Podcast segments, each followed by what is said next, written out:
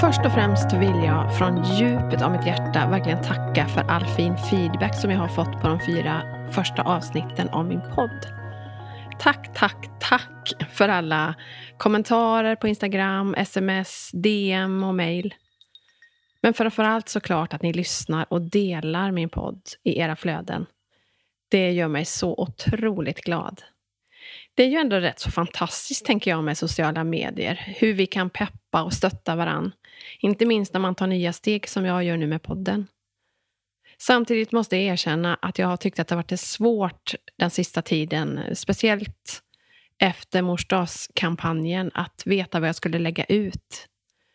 Det är så otroligt mycket som har hänt bara den sista veckan. Jag har haft svårt att tänka på något annat än det fruktansvärda som händer runt om i världen. Och då tänker jag inte främst på pandemin utan på polisvåldet och de filmer som kablats ut över hela världen.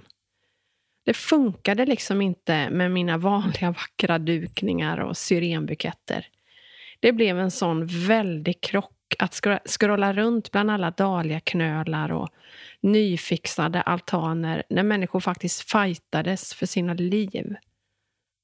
Dog på grund av sin hudfärg. Eller dör på grund av sin hudfärg. Nelly, vår yngsta dotter som fyller 23 snart, hon visade mig ytterligare ett filmklipp häromdagen. Det är på en ung svart man som svimmar av efter att tre poliser brottat ner honom och tar stryptag tills han inte kan andas. Han gråter som ett barn och ber för sitt liv och då brister det även för Nelly. Hon storgråter och undrar Mamma, vad ska vi göra? Det här kan inte fortsätta. Människor dör och vad gör vi? Men så händer det. Plötsligt började det dyka upp helt svarta bilder på konto efter konto på Instagram. En efter en tog vi ställning och märkte den svarta rutan med Blackout Tuesday. Det kändes otroligt skönt och bra. Det var som att hoppet för mänskligheten smög sig tillbaka. Små steg i sammanhanget såklart, men ändå en markering. Vi är inte okej okay med hur människor behandlas. Rasismen måste få ett slut.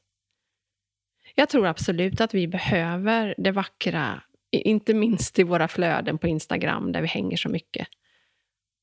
Vi ska inte sluta njuta av försommaren. Vi behöver det. Alla de här fantastiska bilderna som en motvikt till allt det destruktiva. Alla skrikande fågelundar, ungar under takåsarna. Den värmande solen mot blek hud. Vi behöver de bilderna. Men i tisdags tycker jag att vi visade att vi faktiskt kan göra både och. Och det där är ju en ständigt pågående debatt huruvida vi med stora plattformar har ett ansvar eller inte. Att vi inte kan förväntas ta parti och ha en åsikt om allt. När tanken bara är att sprida vacker inredning och prunkande trädgårdar, inspiration. Jag kommer tillbaka till det, till de här frågorna i podden framöver. Och jag kan hålla med till viss del, ändå inte. I alla fall så vill jag använda den röst som jag har. Använda min plattform. Och jag vet att det finns så många fler. Så här skrev Kristin Krickelin i sitt flöde i tisdags, eller häromdagen. Igår postade jag den svarta bilden, likt många andra, för att visa att jag tar ställning mot rasism. Många irriterade sig på influencers som inte tidigare engagerat sig, plötsligt postat det här och jag tänker att vi inte behöver skifta fokus till vem som engagerade sig för första gången eller inte och börja rätta varann. Jag är dock smärtsamt medveten om att jag inte haft tillräckligt insikt tidigare. Det ska jag ändra på. Jag ska prata med, mer med mina barn om rasism och skaffa mig mer kunskap. Vad jag bör göra med min plattform är att sprida värde som bidrar till förändring i vårt samhälle. Så det tänker jag göra nu. Emma Sund är ett annat exempel på att använda den röst man har. Hon är dessutom fantastisk med orden. Så här skrev hon på sin Instagram. Jag är vit. Jag är enormt privilegierad. Jag kan röra mig fritt, jag är trygg i mitt hem. Jag känner mig hyfsat säker på att få hjälp om jag utsätts för orättvisor. eller med om en olycka. Eller om jag råkar vara på fel plats vid fel tillfälle. Jag känner mig lyssnad på, förstådd. Jag kan nonchalant bära allsköns ting i min hand utan att det ska misstänkas vara ett vapen. Jag kan uttrycka mina åsikter fritt och jag har makt. Jag skulle kunna göra den här listan enormt lång, men vet också att jag inte vet alla privilegier jag sitter på. När jag var liten satte sig en mening i mig. Det är inte bara förtryckaren, mobbaren, som gör skada på sitt offer. Alla de som står runt omkring och inget gör, har, som aldrig säger något, som låter det fortgå, har också ett ansvar, är medskyldiga. Trots att jag vet detta så har jag varit en av de tysta alldeles för länge och det skäms jag för. Och ja, jag är svinrädd att skriva fel, göra fel, säga fel. Låtsas ha något tolkningsföreträde eller låtsas förstå. Men kanske får den bara svälja och säga, jag kommer aldrig att förstå fullt ut. Men jag känner att det här är helt åt helvete fel. Att vissa har fördelar, andra inte. På grund av färgen på huden. Kanske ska jag svälja det och liksom ställa mig bredvid och ta armkrok. Inte gå och gömma mig bakom husknuten i rädsla att göra fel. They don't shoot white woman like me. Marie Hammargren är ytterligare ett exempel på vad, en, vad vi små människor faktiskt kan åstadkomma. Hon jobbar som skolkurator och har ett Instagramkonto som hon kallar för Stilkontot. Och via sitt konto så har Marie tillsammans med sina följare sett till att nästan 1500 kvinnor får föda säkert genom Läkarmissionens morsdagskampanj med säkra förlossningar. Hon har samlat in över 250 000 kronor på bara några dagar. Är inte det helt makalöst? Hela våren hade jag inbokade event där jag skulle poppa upp med mitt elva kaffe och hålla föredrag på olika platser. Tanken var att jag skulle visa Noahs fantastiska bilder från vår resa till Etiopien och berätta om några av de möten som särskilt har etsat sig fast i oss efter våra dagar där. Allt med målet att hjälpa Läkarmissionen att få nya månadsgivare. Jag har dessutom fantastiska keramikkoppar från fem underbara keramiker som ni skulle få tillsammans med mitt finkaffe när ni blev månadsgivare på plats. Namnet på de här fantastiska hantverkarna är Petra Lund som finns under Petra Lunds lera på Instagram. Vi har Susanne Sundström som finns på drejat.se. Karina Pettersson som heter Kap Keramik på Instagram, CAP Keramik. Maria Ljungqvist som kallar sig för Ljuva drömmar på Instagram och Emily Hallberg som heter emily.hallberg på Instagram. Deras vackra keramikkoppar har stått här nu i hyllorna och väntat på bättre tider, att vi skulle kunna resa igen. Men det går inte. Nog för att vi har fått lite glädjande besked här nu att vi ska kunna börja resa inom Sverige igen om vi är friska. Men jag känner att jag kan inte vänta vi har sett tydligare än någonsin de senaste dagarna att världen blöder. Och hjälpen kan inte vänta. Så därför tänkte jag ta med dig på vår Etiopienresa här från podden. Du kommer samtidigt att kunna gå in på min blogg och titta på de bilder som jag skulle ha visat om du hade kommit på något av mina liveföredrag under våren.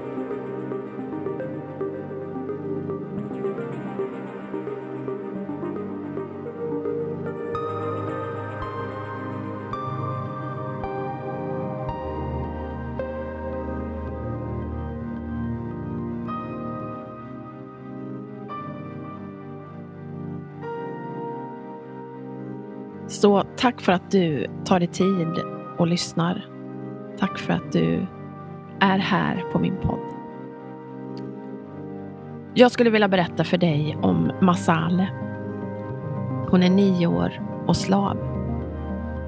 Just nu, den här tidiga morgonen, så är hon och hennes medsystrar på väg upp i Entotobergen utanför Addis Abeba.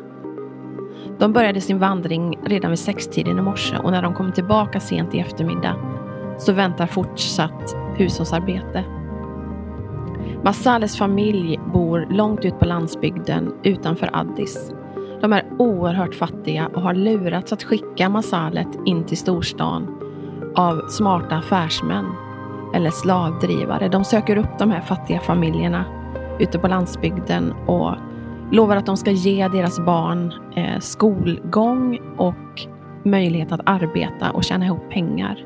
Så många gör som Masales familj och skickar sina flickor till vad de tror är ett bättre liv. I själva verket så tvingas de här flickorna att jobba nästan dygnet runt under slavliknande förhållanden. Ofta bor de i slavdrivarens familj och sköter allt, barn och hem.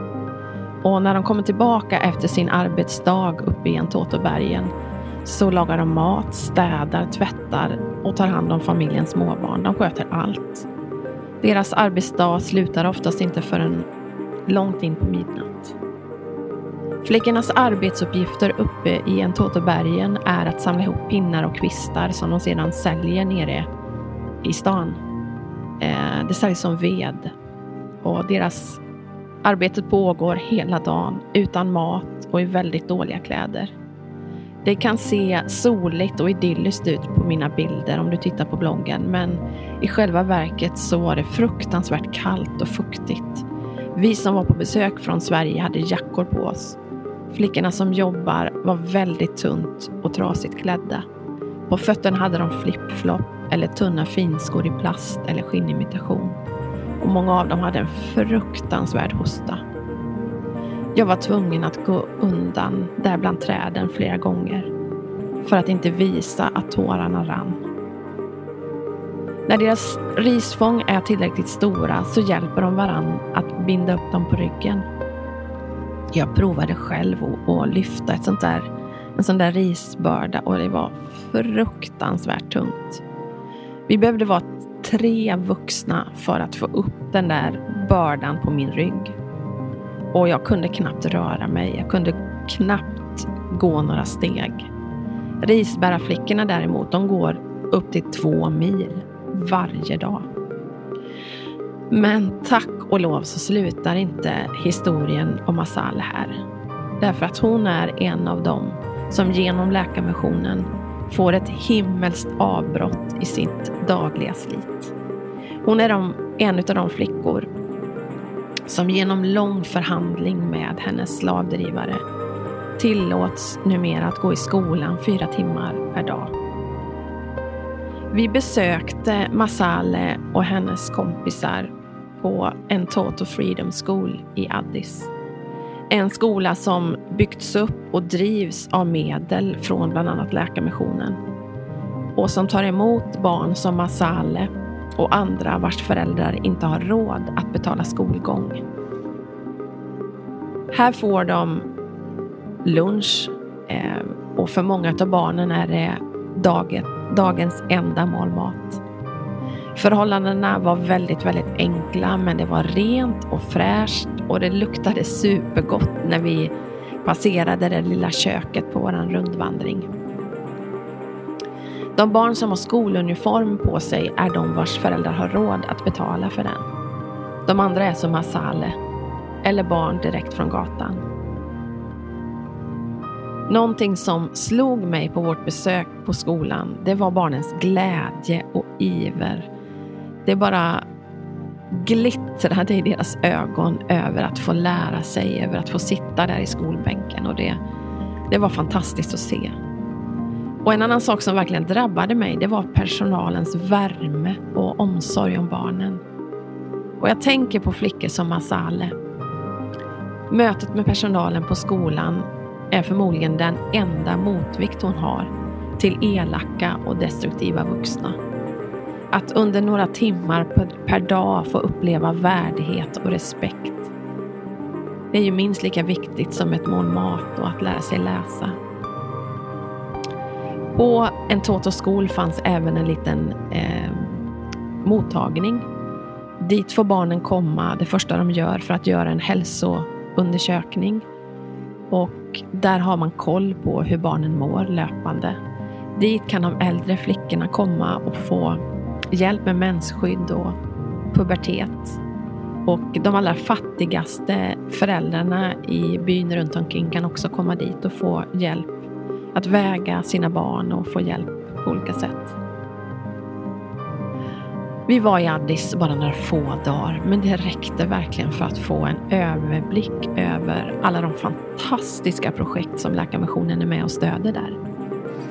Och det som gjorde allra starkast intryck på mig, det som jag fortfarande tänker på än idag, det är alla de eldsjälar som vi mötte.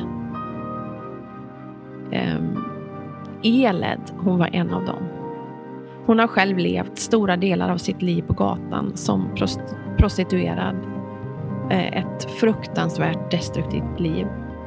Idag är hon gift, har en liten tvåårig son och är föreståndare för Deborah House. Och att se Elets kärlek och omsorg om tjejerna på Deborah House, det var, det var helt fantastiskt. Hon utstrålade en sån moderlig värme och trygghet och kärlek. För det var inte utan att vi bävade lite grann för den där dagen när vi skulle åka till Deborah House. För här bor tjejer och kvinnor i en ålder mellan 15 och 35 år. Och det de har gemensamt är att de har levt fruktansvärt destruktiva liv på gatan i prostitution och att de har fått möjligheten att komma till Deborah House, det beror på att man har eh, så kallad uppsökande verksamhet. Man, personalen är ute på nätterna och möter de här flickorna när de går på gatan. Eh, och under lång tid så försöker man bygga förtroende, lära känna tjejerna för att sedan berätta för dem att de kan få hjälp.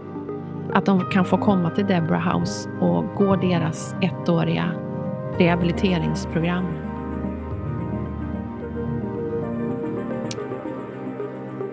Kriteriet för att få den där fantastiska hjälpen det är att man har levt på gatan minst ett år och att man verkligen vill en förändring.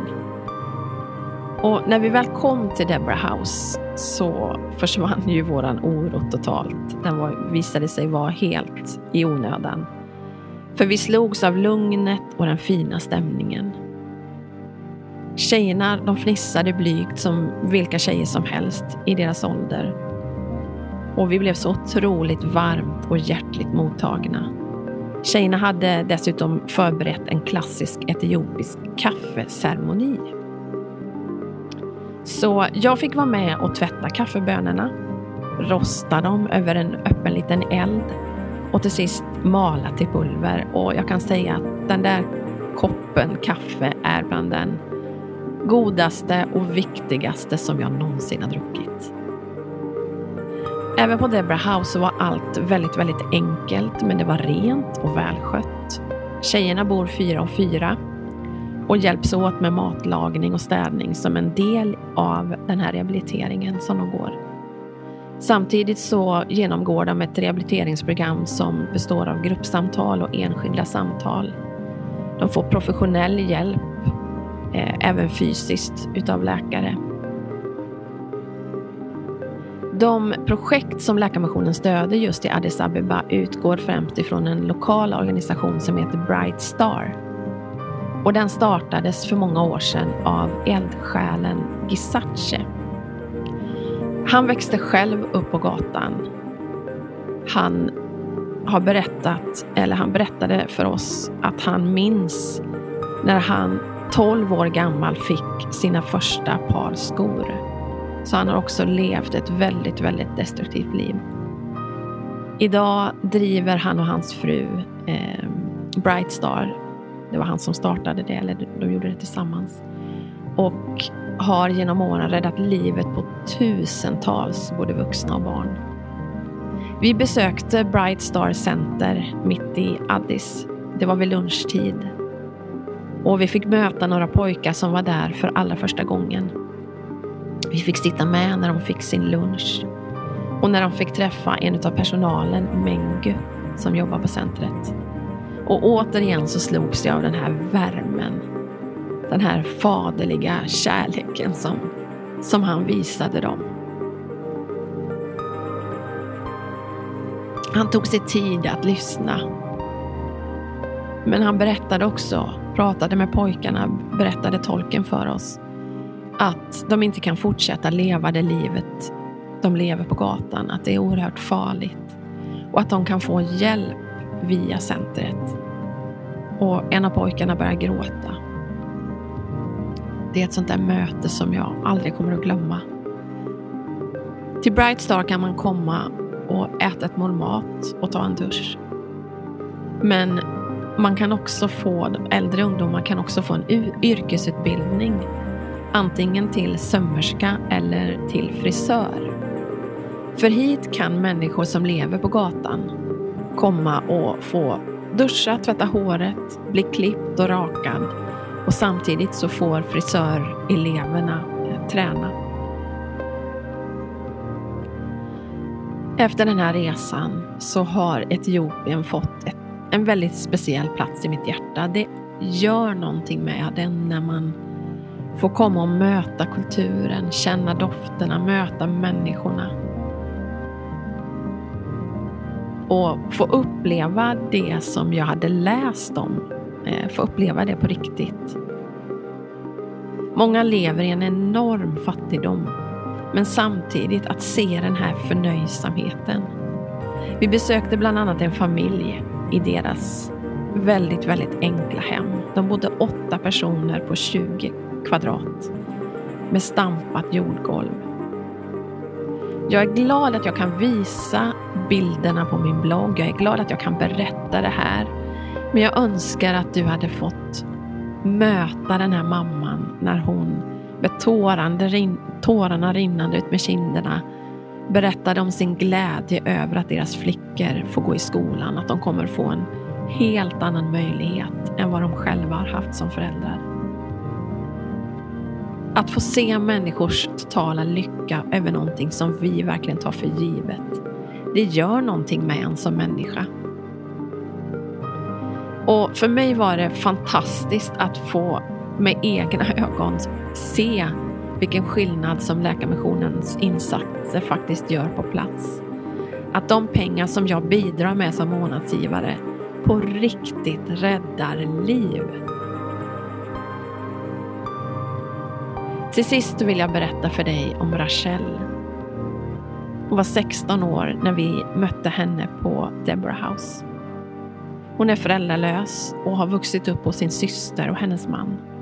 Systern har fortfarande ingen aning om att Rachel har blivit sexuellt utnyttjad och våldtagen av hennes man under hela sin uppväxt. I tidiga tonår så lyckas hon till slut fly, helt trasig, både i själen och i underlivet. Hon tar sig till Addis där hon snabbt blir ett lätt byte för sexhandel och droger. Och det är där på gatan som Bright Star genom sin uppsökande verksamhet på Deborah House träffar Rachel. Och idag är hon en av de 13 tjejer som precis hade påbörjat sitt rehabiliteringsprogram när vi var där och hälsade på. Hon ser mig rakt i ögonen när vi hälsar. Hon väjer inte med blicken. Hon ler mjukt. Och jag får veta av föreståndaren Edla att man opererat Rachels underliv flera gånger och att hon fortfarande har flera operationer kvar. Hon får fortsatt både läkarvård och psykologisk hjälp. Och jag får veta att hon drömmer om att bli advokat.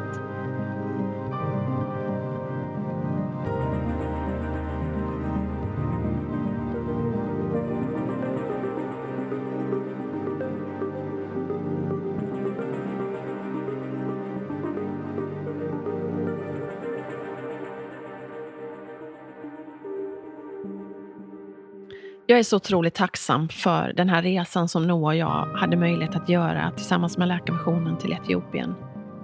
Att få vara på plats och se skillnaden som pengarna gör för människors vardag, det var fantastiskt och livsomvälvande. Och Det gör att jag nu kan berätta för dig att den hundralapp eller mer som du ger som månadsgivare räddar liv. Och att bli månadsgivare det är det bästa stödet som du kan ge Läkarmissionen. Därför att då kan de planera för projekt framåt och veta att pengarna fortsätter komma in. Det är ett långsiktigt sätt att hjälpa.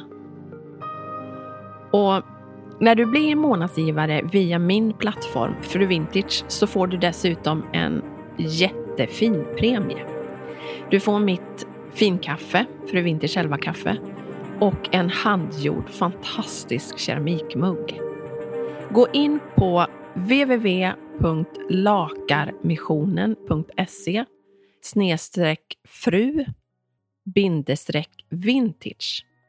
Eller så kan du klicka på min profil på Instagram. Där hittar du länken till att bli månadsgivare. Tillsammans kan vi vara med och förändra framtiden för utsatta människor i samarbete med Läkarmissionen. Låt oss kroka arm. Inte bara lägga upp den där svarta rutan, utan faktiskt göra någonting. Hjälpas åt att rädda liv.